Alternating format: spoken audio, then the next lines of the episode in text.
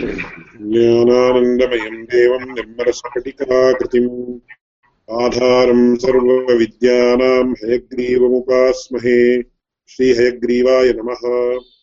विधाय हृदि विश्वेशम् विधाय गुरुवन्दनम् बालानाम् सुखबोधाय क्रियते तर्कसङ्ग्रहः। प्रायः एकमासानन्तरम् इयं कक्ष्या अनुवर्तते इति। महान्तं सन्तोषम् अनुभवामि एतन्मध्ये अत्रत्याः ये श्रोतारः, तैः असकृत् कदा कक्षा प्रारभ्यते इति पृष्टः अहम्। तस्मात् कारणादपि सन्तोषम् अनुभवामि कुतः इति चेत् ये श्रोतारः ते माँ कक्ष्यां वाञ्छन्ति इति दृष्ट्या तत्र इयं कक्षा तेषाम् उपयोगाय भवती अस्ति इति तस्मादपि कारणात् सन्तोषम् अनुभवामि। इदानीं तत्र तर्कसङ्ग्रहग्रन्थे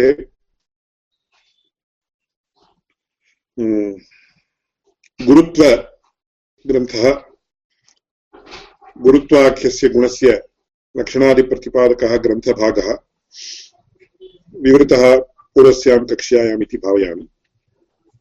अतः इदानीं रूपरसगन्धस्पर्शसङ्ख्यापरिमाणपृथक्त्वसंयोगविभाग परत्वापरत्वगुरुत्व इति तावत्पर्यन्तम् अभूत्। द्रवत्वम् इति विषये इदानीं तत्र विवरणं ग्रन्थोक्तदिशा देयम् अतः तत् इदानीं पश्यामः।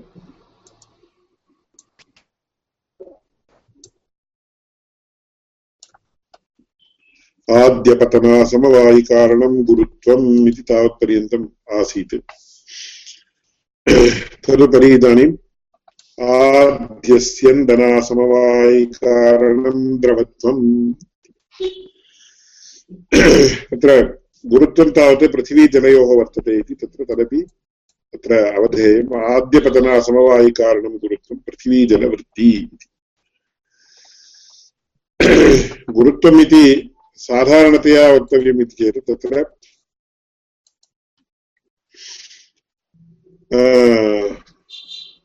भारः इति यदुच्यते वैट् इति उच्यते प्रायः तत्र फिसिक्स् मध्ये मास् इति उच्येत अहं न जानामि मास् इति तत्र यदुच्यते तदेव वैट् इति अस्मिन् अर्थे उपयुज्यते इति अहं भावयामि समीचीनं चेत् गृह्णन्तु नो चेत् तत्र समीचीनं चेत् कृपया ज्ञापयन्तु पृथिव्यां जले च वर्तते तेजसी वायु अन्यत्र च अन्येश्च द्रव्येषु गुरुत्वं नास्ति इति स्पष्टतः ज्ञायते तदुपरि इदानीम् आद्यस्यन्दनासमवायिकारणं द्रवत्वम् इति स्यन्दनम् इति चेत् तत्र तत्र यथा जलं प्रवहति इति उच्यते फ्लोयिङ्ग् इति आङ्ग्लभाषायाम् उच्यते तत्र कीदृशं द्रव्यं तत्र स्यन्दते अथवा तत्र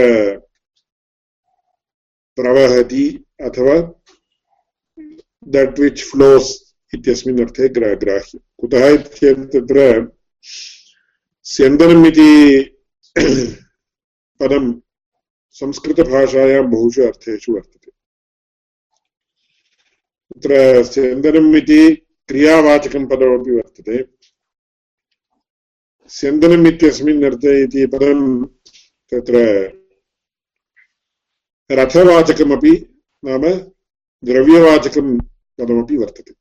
पुरस्सुवति सङ्ग्रामे स्यन्दनं स्वयमेव सः इति तत्र स्यन्दनम् इति रथस्यापि नामान्तरं वर्तते। एवं प्रवहति चेत् नदी प्रवहति इति यथा उच्यते अस्माभिः।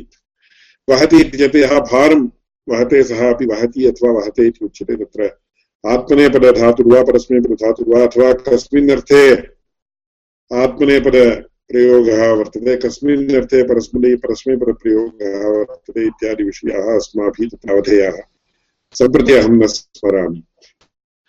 अतः तत्र स्यन्दनं नाम फ्लोयिङ्ग् इति तादृशस्यन्दनस्य असमवायिकारणं किं किं स्यन्दते चेत् तत्र जलं स्यन्दते अथवा तत्र इदानीं घनीभूतं घृतं यद्वर्तते तस्य अग्निसंयोगः जायते चेत् तदपि स्यन्दते दट् आल्सो फ्लोस् तस्मात् स्यन्दनस्य यत् असमवायकारणं तदेव द्रवत्वम् इत्येतत् द्रवत्वाख्यः गुणः। तस्मिन् द्रव्ये वर्तते चेत् तदा तत्र स्यन्दनं जायते तस्मिन् द्रव्ये। यथा इदानीं जलं, तत्र द्रवत्व तत्र अतः तत् स्यन्दते। इति चेत् तत्र लिक्विड् इति, साधारणतया लिक्विफैड् फार्म् इति अस्माभिः वक्तुं शक्यते। अतएव द्रवत्वम् इत्येत् द्रवं वा घनीभूतं वा एतत् इस् इट् सालिड् लिक्विड् इति अस्माभिः आङ्ग्लभाषायां प्रष्टुं शक्यते। तस्मात् तत्र किं भवति?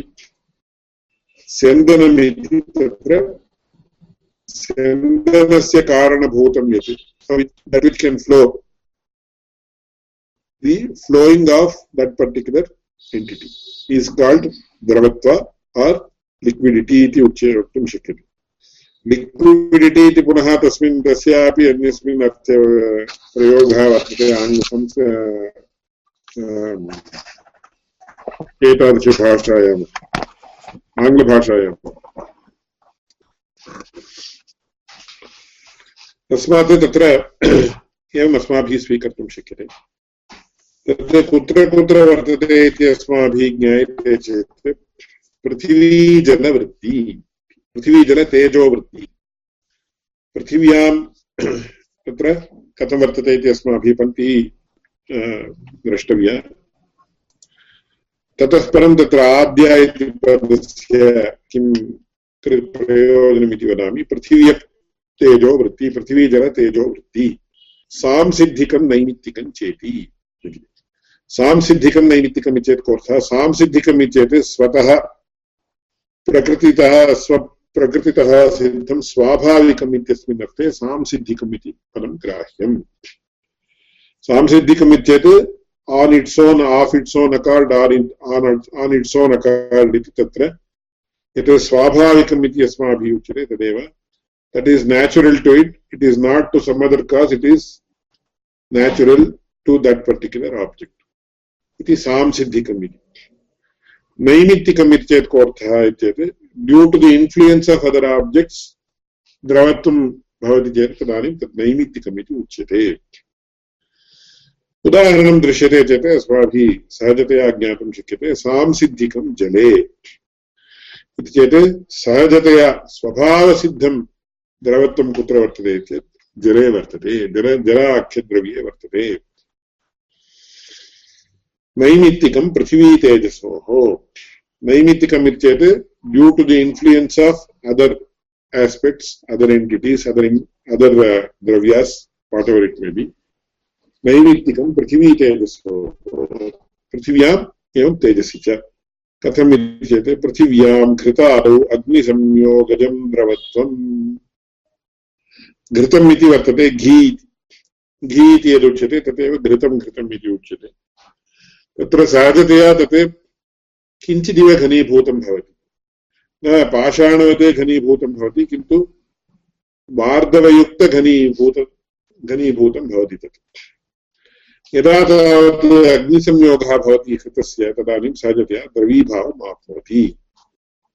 अतः तत्र नैमित्तिकं नाम अग्निसंयोगरूप निमित्तात् जायमानं नैमित्तिकम्।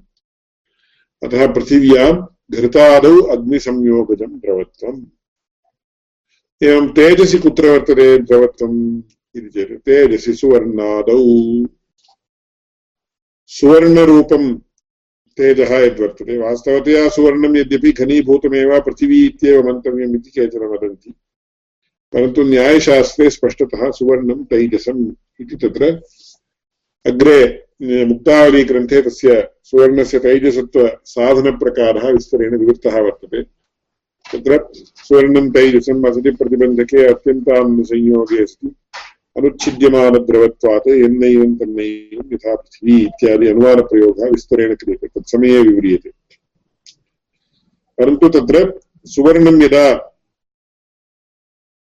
अतीव अत्यन्तानलसंयोगी इति उच्यते संस्कृतभाषायाम्।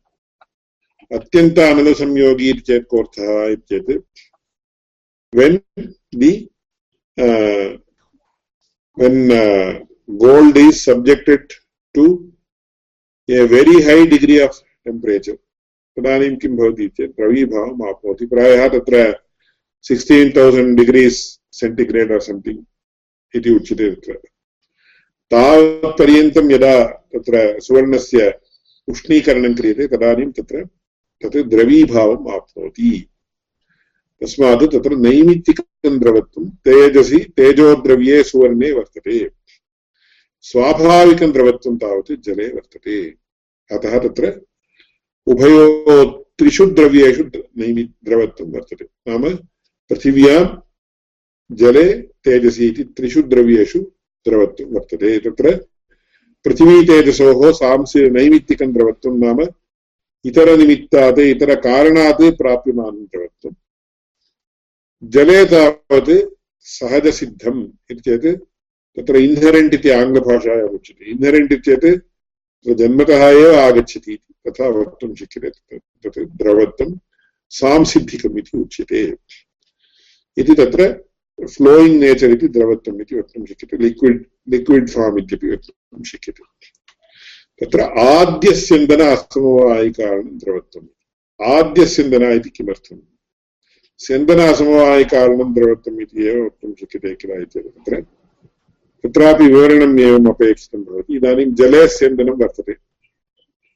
जले द्रवत्वं वर्तते। तस्मात् द्रव स्यन्दनं द्रवत्वस्य कार्यं तादृशस्यन्दनस्य अथवा द्रवत्वस्य कार्यं द्रव द्रवत्वमेव स्यन्दनम् इत्यपि वा वक्तुं शक्यते कदाचित् इत्यपि केचित् वदन्ति तथा। तादृशद्रवत्वस्य समवायकारणं जलमेव भवति। स्यन्दनस्य असमवायकारणं इति चेत् तत्र द्रवत्वं द्रवत्वस्य द्रवत्वरूपस्य गुणस्य तत्र सद्भावात् तत्र स्यन्दनाख्यव्यापारः तत्र जले समुद्भवति। अतः स्यन्दन असमवायकारणं द्रवत्वम् इति वक्तव्यम्। पुनः तत्रापि किं भवति इति चेत् प्रथमक्षणे यत् स्यन्दनं जायते। तदपेक्षया द्वितीयक्षणे जायमानस्यन्दनस्य, तत्र किञ्चिदिव वेगाधिक्यं जायते। तस्मात् तत्र द्वितीयादिस्यन्दनेषु वेगः अपि कारणं भविष्यति। तस्मात् तत्र स्यन्दनासमवायकारणं गुरुत्वम् इति तावन्मात्रोक्तौ तत्र वेगादौ अतिव्याप्तिः। तद्वारणाय आद्यस्यन्दन असमवायकारणं द्रवत्वम् इति वक्तव्यम् इति अतः तत्र एवं द्रवत्वग्रन्थस्य विवरणम् इदानीं समाप्तं जातम् आद्यस्यन्दन असमवायिकारणं द्रवत्वं पृथिवीजलतेजोवृत्ति अत्र ग्रन्थं पश्यन्तु आद्यस्यन्दन असमवायिकारणं द्रवत्वं पृथिव्य पृथिव्यप्तेजोवृत्ति तद्विविधं सांसिद्धिकं नैमित्तिकं चेति। सांसिद्धिकं जले, नैमित्तिकं पृथिवीतेजसोः। पृथिव्यां धृतादौ अग्निसंयोगजं द्रवत्वं तेजसि सुवर्णादौ इति एतावत्पर्यन्तं तत्र द्रवत्वग्रन्थः। तदुपरि स्नेहः इति क्रमप्राप्तः स्नेहः। तत्र गुरुत्वद्रवत्वस्नेह इति अस्माभिः उच्यते खलु? चूर्णादिपिण्डीभावहेतुर्गुणस्नेहः। चूर्णादिपिण्डीभावहेतुः गुणः स्नेहः।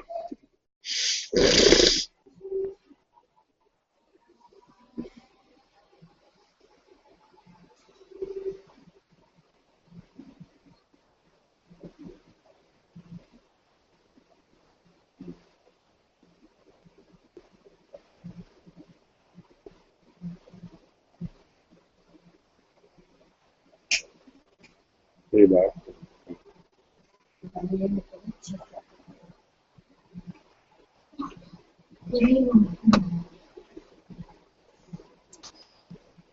चूर्णादि बिण्डीभावहेतुः गुणः चूर्णः इति चेत् तत्र द्राविडभाषायां माव इति उच्यते आङ्ग्लभाषायां फ्लोर् इति उच्यते अथवा आटा इति उच्यते एतत् काले इदानीम् अस्माभिः चपाति इत्यस्य निर्माणं कर्तव्यं चेत् प्रथमम् अस्माभिः फ्लोर् इति यदागच्छति चूर्णम् इति उच्यते संस्कृतभाषायां तस्य पिण्डीभावः सम्पादनीयः पिण्डीभावसम्पादनानन्तरमेव अस्माभिः तस्य एवं तत्र उपकरणविशेषमादाय तस्य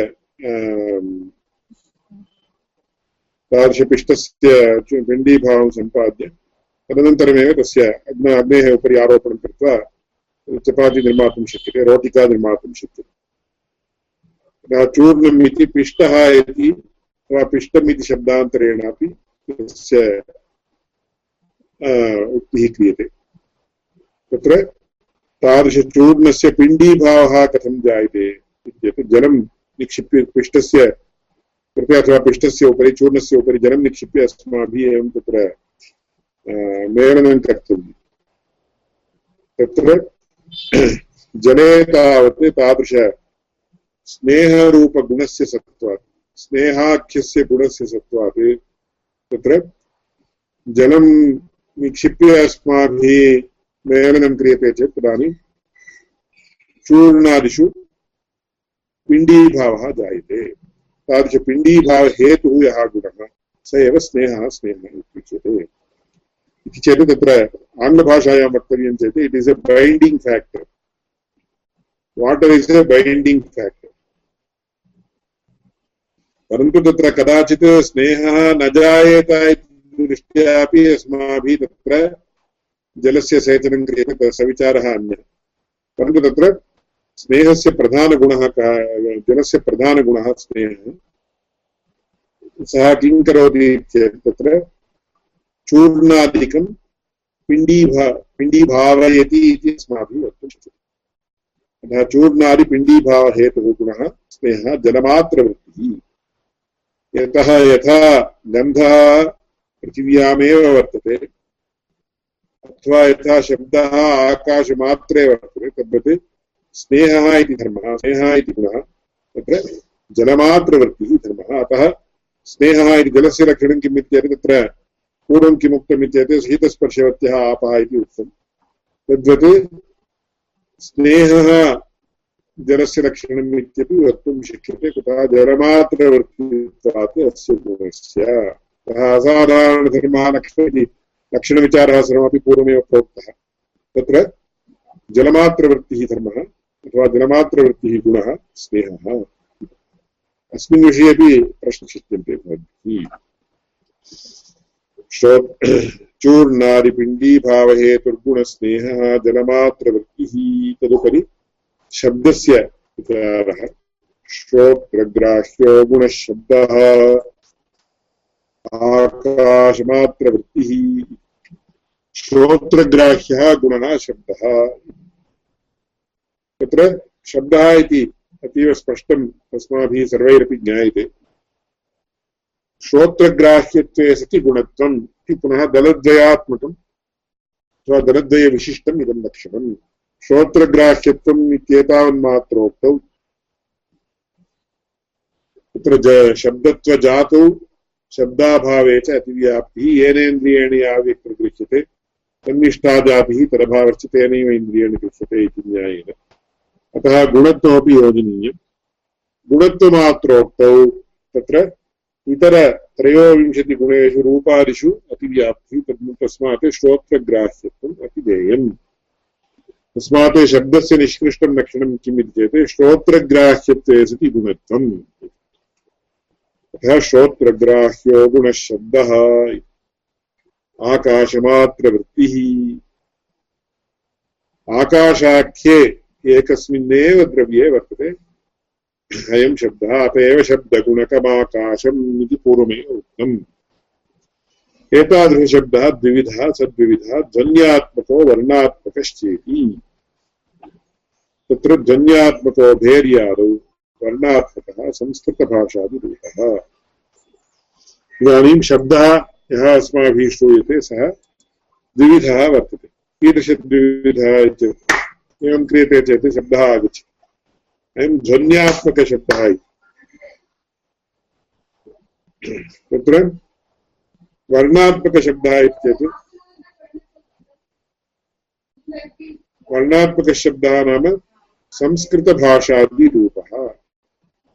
संस्कृतभाषादिरूपः इत्येतत् अर्थः तत्र संस्कृतभाषा आदि चेत् तत्र इतर इतरभाषाणामपि इतर सर्वभाषाणामपि ग्रहणम् अनेन कर्तव्यम्।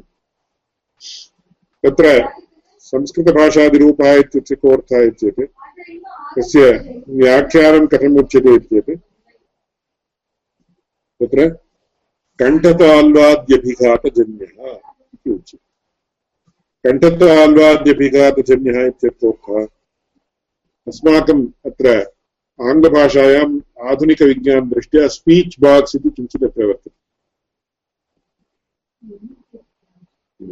स्पीच् भाग स्पीच् बाक्स् इत्यर्थः तत्र कण्ठम् आरभ्य तत्र वर्णोत्पत्तिस्थानानि इति संस्कृतभाषायाम् उच्यते तत्र कण्ठ तालु तत्र वपुः विसर्जनीयानां कण्ठः ऋतुरसानां तालु ऋतुरसानां मूर्धा अकुः विसर्जनीयानां कण्ठः इचुयशानां तालु ऋतुरसाणां मूर्ध ऋतुरसानां दन्ताः उपोपद्मानीयानाम् ओष्ठौ इति एवं कण्ठः तालु मूर्ध, ओष्ठः एवं,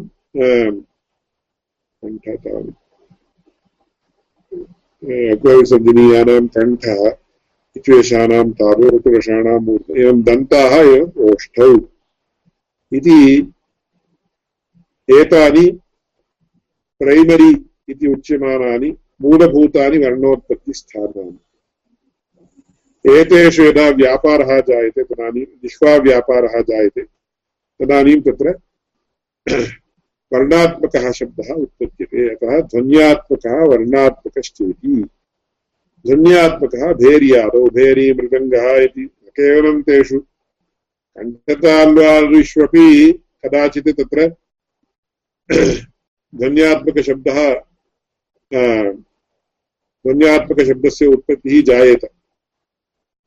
यथा भेर्यादौ जायते, तथा ध्वन्यात्मकशब्दः तत्र कण्ठताल्वादोपि भवितुमर्हति। परन्तु तत्र वर्णात्मकशब्दस्तु कण्ठताल्वाद्यभिघातजन्य एव भवति इति अस्माभिः ज्ञातुं शक्यते। अतः शब्दः द्विविधः, ध्वन्यात्मकः, वर्णात्मकश्चेति। ध्वन्यात्मकः, भेर्यादौ भेरी मृदङ्ग वीणा प्रणवादौ तत्र भवति। वर्णात्मकः शब्दः तावत् संस्कृतभाषादिरूपः इत्येत् सर्वभाषामयः शब्दः इत्येत् या कापि भाषा भवतु, तदीयाः शब्दाः कथमुत्पद्यन्ते इत्येत् एतादृश कण्ठताल्वाद्यभिघातेनैव जायन्ते इति अस्माभिः ज्ञायते।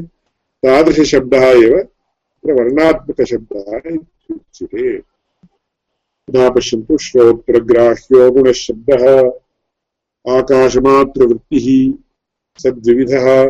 ध्वन्यात्मको वर्णात्मकश्चेति। तत्र ध्वन्यात्मको भेर्यादौ वर्णात्मकः संस्कृतभाषादिरूपः इति तत्र शब्दस्य विचारः आगतः। तदुपरि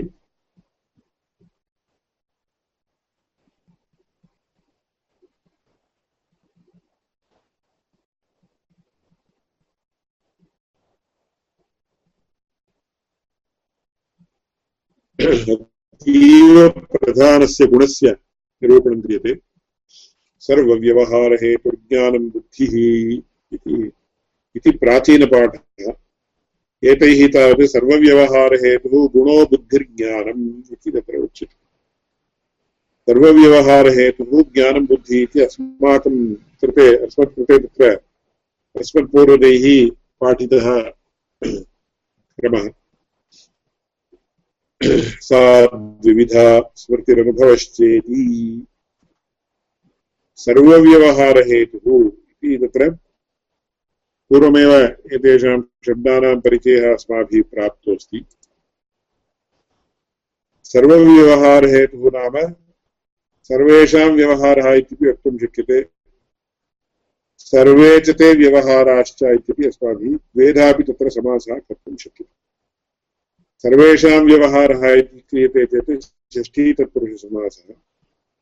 तत्र सर्वे च ते व्यवहाराश्च इत्येतत् तत्र कर्मधारयसमासः। सर्वव्यवहाराणां हेतुः सर्वव्यवहारहेतुः तत्र व्यवहारो नाम ज्ञानजनकशब्दप्रयोगः, व्यवहारः व्यवहारः इत्युच्यते। व्यवहारो नाम ज्ञानजनकशब्दप्रयोगः इति अस्माभिः उच्यते एते एतानि विवरणानि तत्र यावज्जीवं न्यायशास्त्रं बुभुत्सुभिः न्यायशास्त्रं जिज्ञासुभिः ज्ञातव्याः स्मर्तव्याश्च विषयाः अतः सर्वव्यवहारहेतुः इति कारणभूतं किम् इत्येतत् सर्वव्यवहारहेतुः ज्ञानं बुद्धिः इति ज्ञानं बुद्धिः इति द्वयमपि किमर्थं लिखितं ग्रन्थकृता इति चेत् तत्र अस्माकम् अस्मिन् न्यायशास्त्रे बुद्धिः ज्ञानम् इति द्वयमपि पर्यायभूतम्। इतरशास्त्रेषु नाम साङ्ख्ये वेदान्ते वा बुद्धेः ज्ञानस्य च अस्ति महद्वैलक्षण्यम्, अस्ति महद्भेदः महान् भेदः कुतः चेत् बुद्धिः इति साङ्ख्यप्रक्रियायां तावत् एवं भवति। तत्र प्रकृतेर्महान्ने ततोऽहङ्कारः तस्मात् गणश्च षोडशकः इति तत्र पञ्चविंशतितत्त्वानि यानि उच्यन्ते। तत्र प्रकृतेः इति मूलप्रकृतिः इति तस्याः नाम। तादृशमूलप्रकृतेः महान् इति महत्तत्त्वम् उत्पद्यते। महत्तत्त्वस्यैव बुद्धितत्त्वम् इति नाम। ततः परं बुद्धेः बुद्धितत्त्वात् अहङ्कारः। इति तत्त्वम् उत्पद्यते अहङ्कारः इति तत्र साङ्ख्यप्रक्रियायां यः अहङ्कारः उच्यते, तत्र लौकिकभाषायाम् अस्माभिः तस्य अतीव अहङ्कारः अधिकः इति तत्र ईगो इति यदुच्यते तस्यास्य च सम्बन्धो नास्ति। अहङ्काराख्यं तत्त्वं प्रकृतेः परिणामभूतम् इति तत्र तद्विषये इदानीं नाधिकम् उच्यते कुतः अप्रस्तुतत्वात् परन्तु बुद्धितत्त्वम् इति यदुच्यते तत् प्रकृतेः सकाशात् उत्पन्नम् अथवा प्रकृतेः परिणामभूतम्। इतरसर्वतत्त्वानामपि कारणभूतम्। तथा इदानीं दशरथः रामः नवकुशौ इति क्रमः वर्तते चेत्, तत्र रामः दशरथस्य पुत्रः लवकुशयोः पिता। तद्वत् बुद्धितत्त्वम् इति यदुच्यते साङ्ख्यप्रक्रियायां सर्वं साङ्ख्यप्रक्रिया उच्यते। साङ्ख्यप्रक्रियायां प्रकृतेः सकाशात् उत्पन्न प्रकृतेः परिणामरूप बुद्धिः। एवम् अहङ्कारादितत्त्वानां तत्र पूर्वभावी इत्येतत् प्रकृतिरूप। अतः प्रकृतिविकृतिः इति अस्य एतेषाम् एतादृशतत्त्वानां नाम। पूर्वतरस्य दृष्ट्या विकृतिः तत्र अग्रे उत्पद्यमानतत्त्वदृष्ट्या प्रकृतिः। तथा प्रकृतिरपि भवति, विकृतिरपि भवति। तथा रामः दशरथदृष्ट्या पुत्रः भवति दृष्ट्या पिता भवति, तद्वत्। इति तत्र बुद्धितत्त्वम् इति उच्यते। अहङ्कारः इति बुद्धितत्त्वम् महत्तत्त्वम् अहङ्कारः न, बुद्धितत्त्वम् इति महत्तत्त्वम् इति उच्यते। ज्ञानम् इति तत्, तत्र पुरुषः ज्ञानस्वरूपः इति। अतः ज्ञानस्य बुद्धेश्च महान् भेदः तत्र साङ्ख्यशास्त्रे एवम् अस्माकं गुरुचरणानाम् अभिप्रायः तत्र सर्वेषां सम्मतः एवं परन्तु ते तैः तेषां नूतन अब्सर्वेशन् इति उच्यते। लोके तावत् संस्कृतभाषां ये सम्यक् जानन्ति तैः सम्यक् ज्ञातुं शक्यते। कश्चित् बुद्धिमान् इति उच्यते चेत्, कश्चित् ज्ञानी इति उच्यते चेत्, तस्य तयोः महदन्तरं वर्तते। बुद्धिमान् चेत् वेरि इण्टेलिजेण्ट् इति साधारणतया वक्तुं शक्यते। वेरि इण्टेलिजेण्ट् पर्सन् ज्ञानी इति उच्यते चेत्, तत्र यः परमात्मज्ञानं प्राप्तवान् अस्ति, स एव ज्ञानी इति उच्यते। एक दृष्टान्तः सम आङ्ग्लभाषायां प्रदर्शनीयः चेत् तत्र न तत्र सर्वथा ईक्वेलेण्ट् भवति। तत्र कश्चित् इण्टेलिजेण्ट् इति उच्यते, कश्चित् वैस् इति उच्यते। इण्टेलिजेन्स् इस् डिफरेण्ट् फ्रम् इति आङ्ग्लभाषायां साधारणतया अस्माभिः उच्यते। कुतः चेत् कश्चित् अतीव खलः वर्तते चेदपि सः इण्टेलिजेण्ट् भवितुमर्हति। Even a person who is given to very bad ways, he can be very intelligent, but he cannot be called as wise. एवमेव संस्कृते अथवा संस्कृते यथा तथा इङ्ग्लिश् मध्ये इति वक्तुं शक्यते तद्वदेव बुद्धिमान् इति चेत् तत्र अस्मादृशाः किञ्चित् किञ्चित् किञ्चित् जानन्ति चेदपि बुद्धिमान् इति इण्टेलिजेण्ट् इति वक्तुं शक्यते। ज्ञानी इति पदं तु अस्मादृशाणां विषये न प्रयोक्तुं शक्यते। ये साक्षात्कृतपरावरतत्त्वाः एव ज्ञानी इति शब्देन व्यवह्रियन्ते इति साधारणसंस्कृतभाषां जानन्ति चेदपि अस्माभिः ज्ञातुं शक्यते। परन्तु न्यायशास्त्रे तावत् किं भवति इत्युक्ते सर्वव्यवहारहेतुः ज्ञानं बुद्धिः। इति ज्ञानं बुद्धिः इति अग्रे अग्रे एव ज्ञानपद ज्ञानपद उच्चारणसमनन्तरमेव बुद्धिः इति। वा बुद्धिर्ज्ञानम् पाठः स्वीक्रियते चेदपि। बुद्धिपद उच्चारणसमनन्तरमेव ज्ञानपदस्य कथनात् तत्र। ज्ञानम् इति बुद्धिः इति पर्यायः इति अस्माभिः अतः न्यायसूत्रेपि गौतममहर्षिणा किमुक्तमित्यपि बुद्धिरुपलब्धिर्ज्ञानमित्यनर्थान्तरम् इति बुद्धिः, उपलब्धिः, ज्ञानम् इति अनर्थान्तरम् इति। अनर्थान्तरम् न अर्थान्तरम्, अनर्थान्तरम्। अन्यः अर्थः अर्थान्तरं न अनर्था न अर्थान्तरम्, अनर्थान्तरम्। अत्रापि संस्कृतभाषायाः वैशिष्ट्यमेव वर्तते। न अर्थः, अनर्थः इति कृत्वा न अन्यः अनर्थः अनर्थान्तरम् इत्यपि कर्तुं शक्यते सः न सम्मतः अत्र। कुतः चेत् अस्माकं हितविरोधी यत् अस्माकं दोषम् अथवा अहितम् अथवा दुःखम् आपादयति तत् अनर्थम् इति उच्य, अनर्थः इति उच्यते अनर्थम् इति उच्यते। यथा तत्र अर्थम् अनर्थं भावे नित्यम् इति तत्र शङ्कराचार्यैः उच्यते, अर्थमनर्थं नास्ति ततः सुखदेशः सत्यम् इति कुत्रारपि धनभाजां भीतिः सर्वत्र एषा विहिता रीतिः इति उच्यते। तस्मात् तत्र अन्यः अनर्थः अनर्थान्तरम् इति न अत्र समासः कल्पनीयः। किन्तु अन्यः अर्थः न अर्थान्तरम्, अनर्थान्तरम् इति अस्माभिः कर्तव्यम् इत्येत् अर्थभेदो नास्ति। बुद्धिः उपलब्धिः ज्ञानम् इति त्रयाणामपि पदानाम् न भिन्नार्थत्वम् इति अस्माभिः ज्ञातव्यम् इति। तादृशदृष्ट्या न्यायसूत्रेषु गौतममहर्षिणा उक्तं बुद्धिरुपलब्धिर्ज्ञानमित्यर्थान्तरम्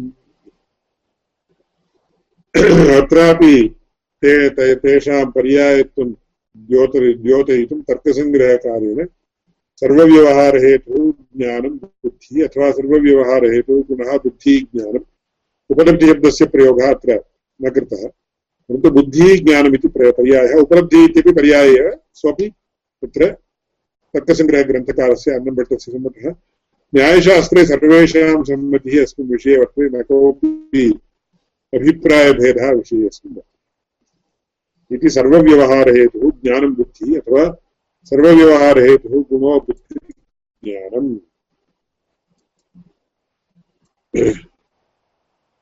तद्विविधं स्मृतिरनुभवश्चेति सा द्विविधा तत्र गुणो बुद्धिर्ज्ञानम् इति पाठे किं भवति इति भवति इति चेत् तत्र साद्विविधा इति प्रयोगः अयुक्तः भवति कुतः?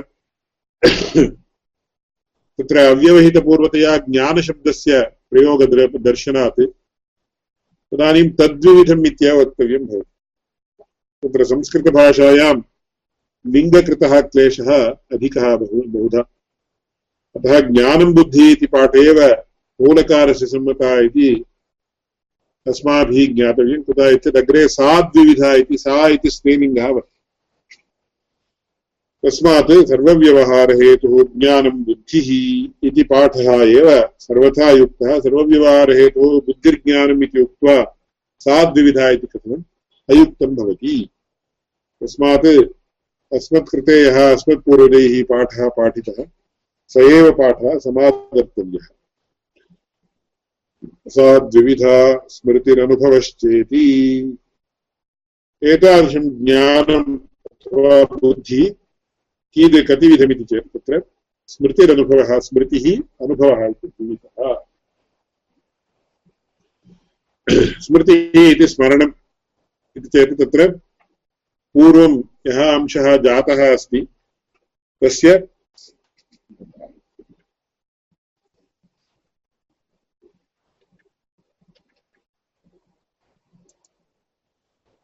पूर्वं जातस्य अनुभवस्य अनुभवात् कश्चन संस्कारः जायते तादृशसंस्कारोद्बोधः कदा यदा भवति तदानीं स्मृतिः अस्माकं मस्तिष्के भवति। अतः स्मृतिः स्मृतिः इति स्मरणम् इति मेमोरि इति रिमेम्बरेन्स् इत्यादिशब्दैः उच्यते। स्मृतिः अनुभवश्चेति, अनुभवः इत्येतत् तत्र वर्तमानकाले जायमानः यः, स एव अनुभवः अनुभवः इति उच्यते। इदानीं वयम्, अहं भवतः सर्वानपि पश्यामि। इदानीं वार्ता वार्तालापं कुर्वन्नस्मि बहु विषयाः मम बुद्धौ उपस्थिताः भवन्ति। कथनावसरे, श्रवणावसरे भवतां मनसि वा भवतां मस्तिष्केषु बहवो विषयाः उपस्थिताः भवन्ति। एते सर्वेपि अनुभवशब्देन उच्यन्ते। अतः तत्र स्मृतिः अनुभवश्चेति ज्ञानं द्विविधम् अथवा बुद्धिः द्विविधा। तत्र स्मृतेः किं लक्षणम् इत्येत् संस्कारमात्रजन्यं ज्ञानं स्मृतिः। तत्र संस्कारो नाम कः? संस्कारमात्रजन्यं ज्ञानम् इति कोऽर्थः मात्रपदं किमर्थं निर्दिष्टम्? एवं तत्र तद्भिन्नं ज्ञानमनुभवः इति तत्र स्मृतिभिन्नत्वे अस्ति, ज्ञानत्वम् अनुभवस्य लक्षणम्। इति भवति, अनुभवस्य तयोः द्वयोः अपि श्वस्तनकक्षायां भविष्यति। अद्य अल्पारम्भः क्षेमकरः इति दृष्ट्या पुनः आरम्भः जातः अस्ति। अतः अद्यतनीया कक्षा अत्र समाप्यते। प्रश्नाः सन्ति चेत् अवश्यं प्रष्टुं शक्यते।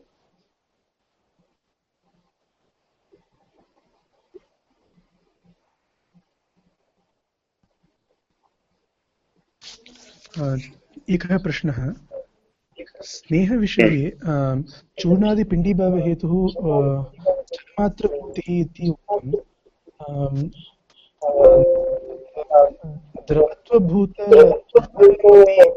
उपयुज्य पिण्डीभावं कर्तुं शक्यते तादृशं तत्र किञ्चित् उच्चैः उच्यताम्।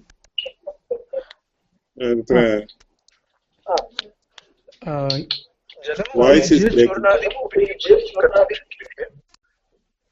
तादृशं द्रवभूतसुवर्णम् उपयुज्य अपि पिण्डीभावं कर्तुं शक्यते खलु। तादृशं वृत्ति इति सुवर्णे तत्र सुवर्णम् उपयुज्य तत्र पिण्डीभावः कर्तुं न शक्यते खलु कथम्।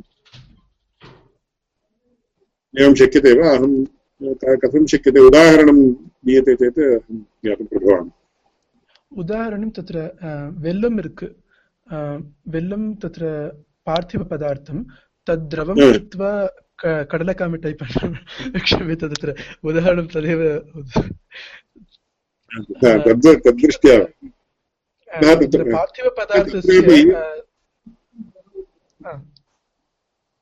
तत्र तत्र जलांशः अस्ति इत्येव अङ्गीक्रियते तावदेव।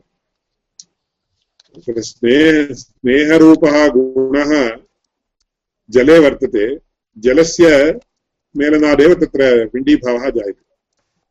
भवतां प्रश्नः समीचीनः।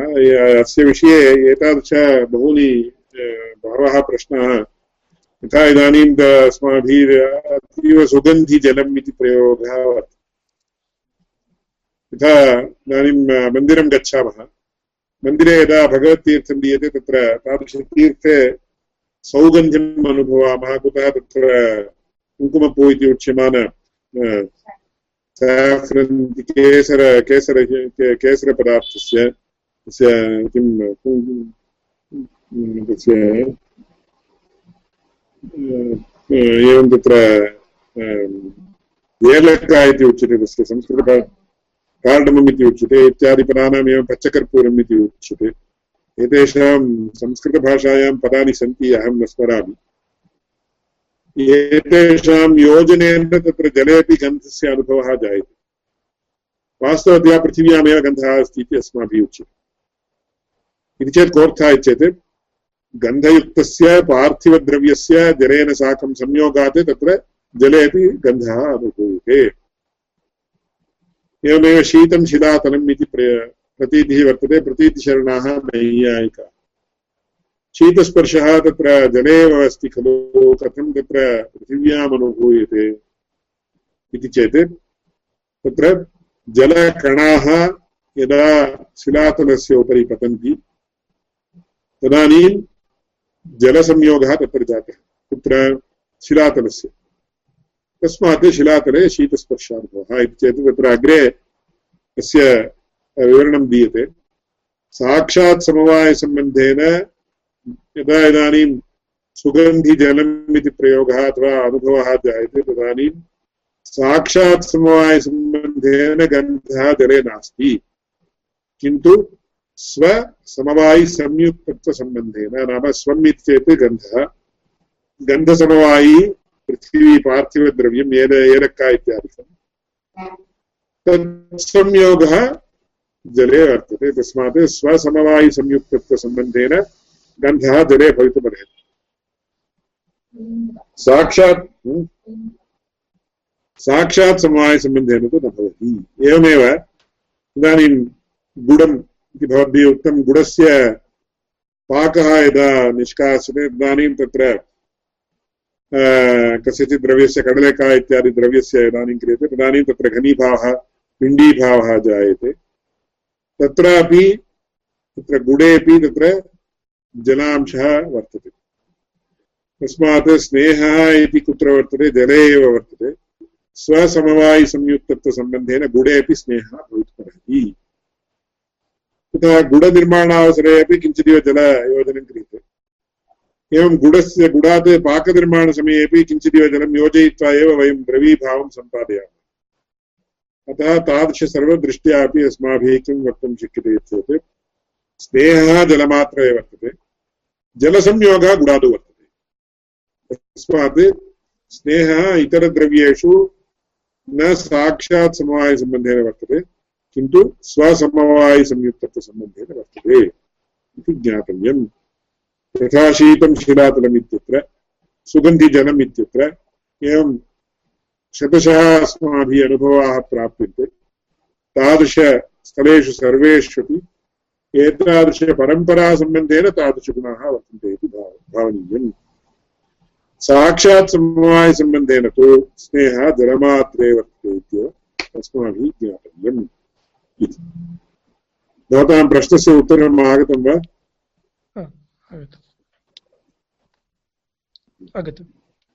अन्यः कोऽपि प्रश्नः अस्ति वा? मम एकः अस्ति। पिष्टस्य पिष्टपेषणे जलांशः किञ्चित् अधिकं भव अधिकः भवेत् चेत् पिण्डीभावः न तावत् कर्तुं शक्यते खलु? तत् कथं जले एव जलमेव पिण्डीभावस्य कारणं चेत् जलम् अधिकं भवति चेत् पिण्डी पिण्डीकरणं किमर्थं कष्टतरं भवति? तत्र पिण्डीभावः जायते वा अधिकम् तत्र अधिकं भवति चेत् द्रवरूपत्वमेव भवति पिष्टस्य तदानीं. परन्तु पिण्डीभावः तत्र जल द्रवत्वस्य डामिनेन्स् पिण्डीभावस्य उपरि. स्नेहः अस्तु। तावदेव भवति। अन्योपि मया विषयः प्रसङ्गात् उक्तः पिण्डीभावः न जायेत चेदपि जलम् अस्माकम् आवश्यकम्।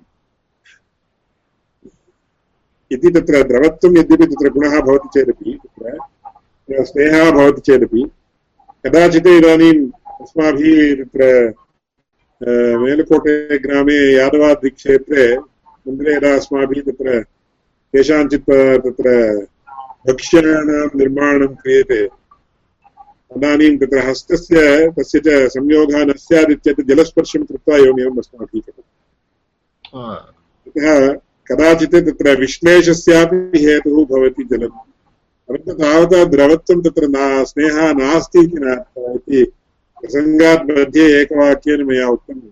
भवद्भिः अवहितं वा इत्यपि इति न अहं तत्र ज्ञातवान्।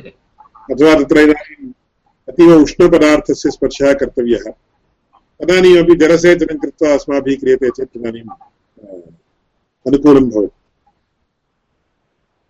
परन्तु स्नेह स्नेहरूपधर्मः तत्र वर्तते इति न सन्देहः। कदाचित् स्नेहस्य उपयोगः क्रियते इति तत्र तादृशवस्तुनः वैचित्र्यम् अस्माभिः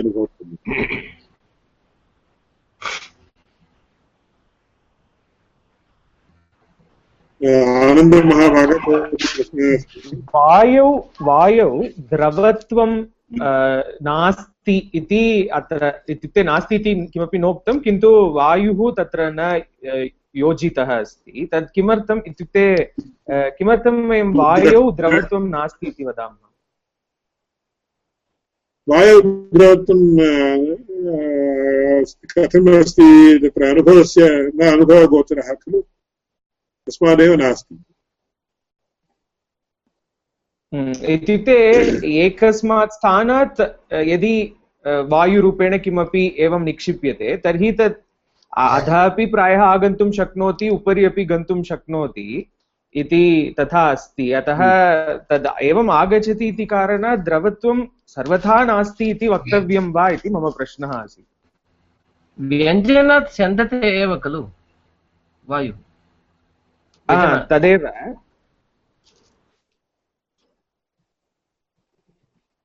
वायुः स्यन्दते इति अनुभवः अस्ति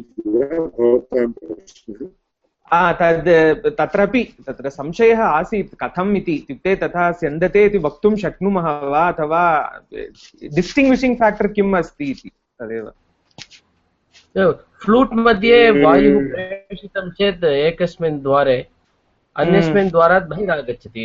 तत्र तु वायुस्य अन्तते एव खलु। तत्र चलनम् इति अन्यत् अन्यत् स्यन्दनम् इति अन्यत्। वायु तत्र चलनात्मककर्म वर्तते स्यन्दनात्मकं कर्म अस्ति वायु। चलनम् अङ्गीक्रियते फ्लूट् मध्ये वा भवतु अन्यत्र वा भवतु। स्यन्दनरूपं कर्म अस्ति वायु।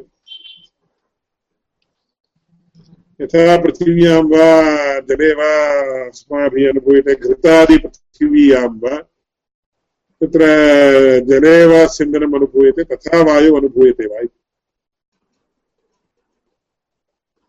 हम्म।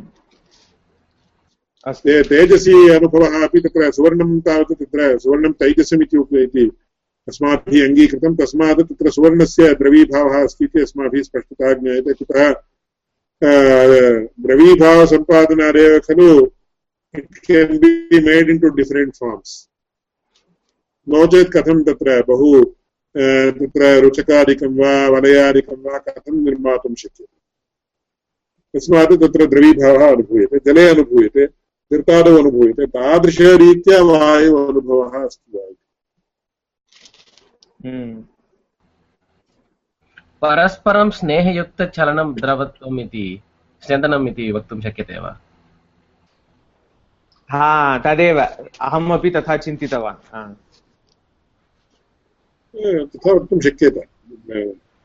तत्र अनुभवानुरोधेनैव एते विषयाः निश्चेतव्याः। न्यायशास्त्रे थम् रूल् इति उच्यते आङ्ग्लभाषायां। थम् रूल् प्रतीतिशरणाः नैयायिकाः।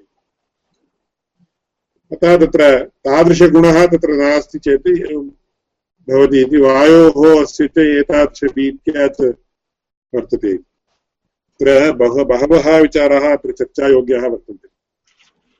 अग्रे वयं चर्चयामः। तत्र इदानीं कर्णशिष्कुल्यवच्छिन्न आकाशः श्रोत्रेन्द्रियम् इति उच्यते।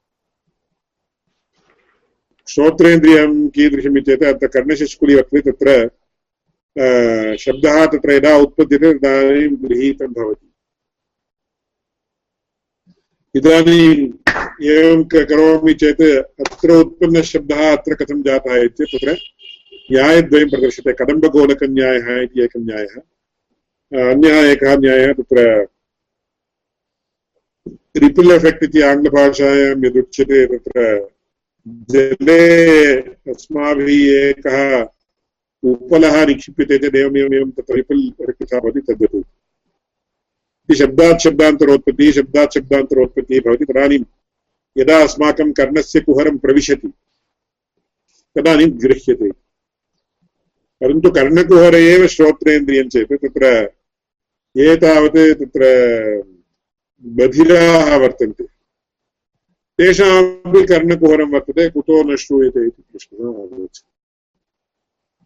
एवं बहूनां प्रश्नानाम् अस्ति अवकाशः, अतः सर्वमपि वयं सावधानतया चिन्तयामः।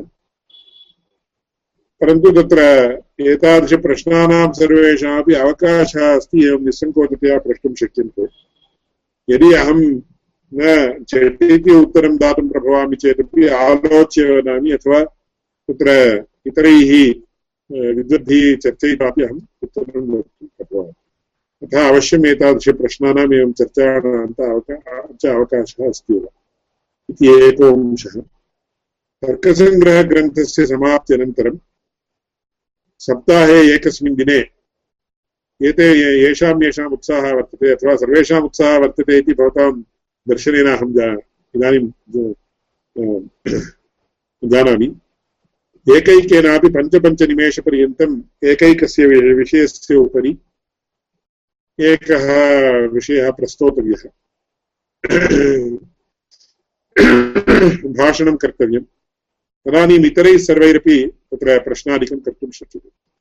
इदानीं न, इदा, इदानीं तर्कसङ्ग्रहग्रन्थसमाप्त्यनन्तरं शाब्दबोधप्रक्रिया यदा अस्माभिः अनुसन्धीयते, ततः परं तत्र तर्कसङ्ग्रहव्याख्यानानाम् अनुसन्धानं यदा क्रियते तदानीं सर्वैरपि भवद्भिः तथा क्रियते चेत् भाषणसामर्थ्यं वर्धते पाठनसामर्थ्यमपि वर्धते, तदानीं सर्वेषाम् आनुकूल्यं भवति। अतः तादृश तादृश एक्ससैसस् ये भवन्ति, ते सर्वेपि अस्माभिः कर्तव्याः इत्यपि अहं सानुरोधं विज्ञापयामि। तदानीं सर्वेषामपि उपकाराय भवति। एवम् अस्माभिः विद्वद्वृन्दः एकः निर्मातुं शक्यते तदानीम् एवं यदा इण्टराक्टिव् भवति, तदानीमपि तदानीमेव भवताम् इतोपि विशिष्य आलोचनादि सामर्थ्यम् अभिवर्तते इदानीमेव भवन्तः सर्वेपि प्रबुद्धाः, तत्र सन्देहो नास्ति। एवं तत्र अवरविद्यार्थिं प्रति नागताः, तेषां कृतेपि बहु उपकाराय भवति।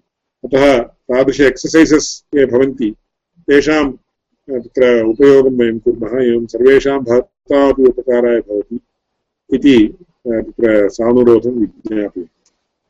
पुनः कक्षा प्रारब्धा इति महान्तं सन्तोषम् अनुभवामि पुनः अग्रिमकक्षा श्वः अस्मिन्नेव समये भविष्यति विधाय हृदि विश्वेशं विधाय गुरुवन्दनं। बालानां सुखबोधाय क्रियते तर्कसङ्ग्रहः ज्ञानानन्दमयं देवं निर्मलस्फटिकाकृतिम् आधारं हयग्रीवमुपास्महे। श्रीहयग्रीवाय नमः।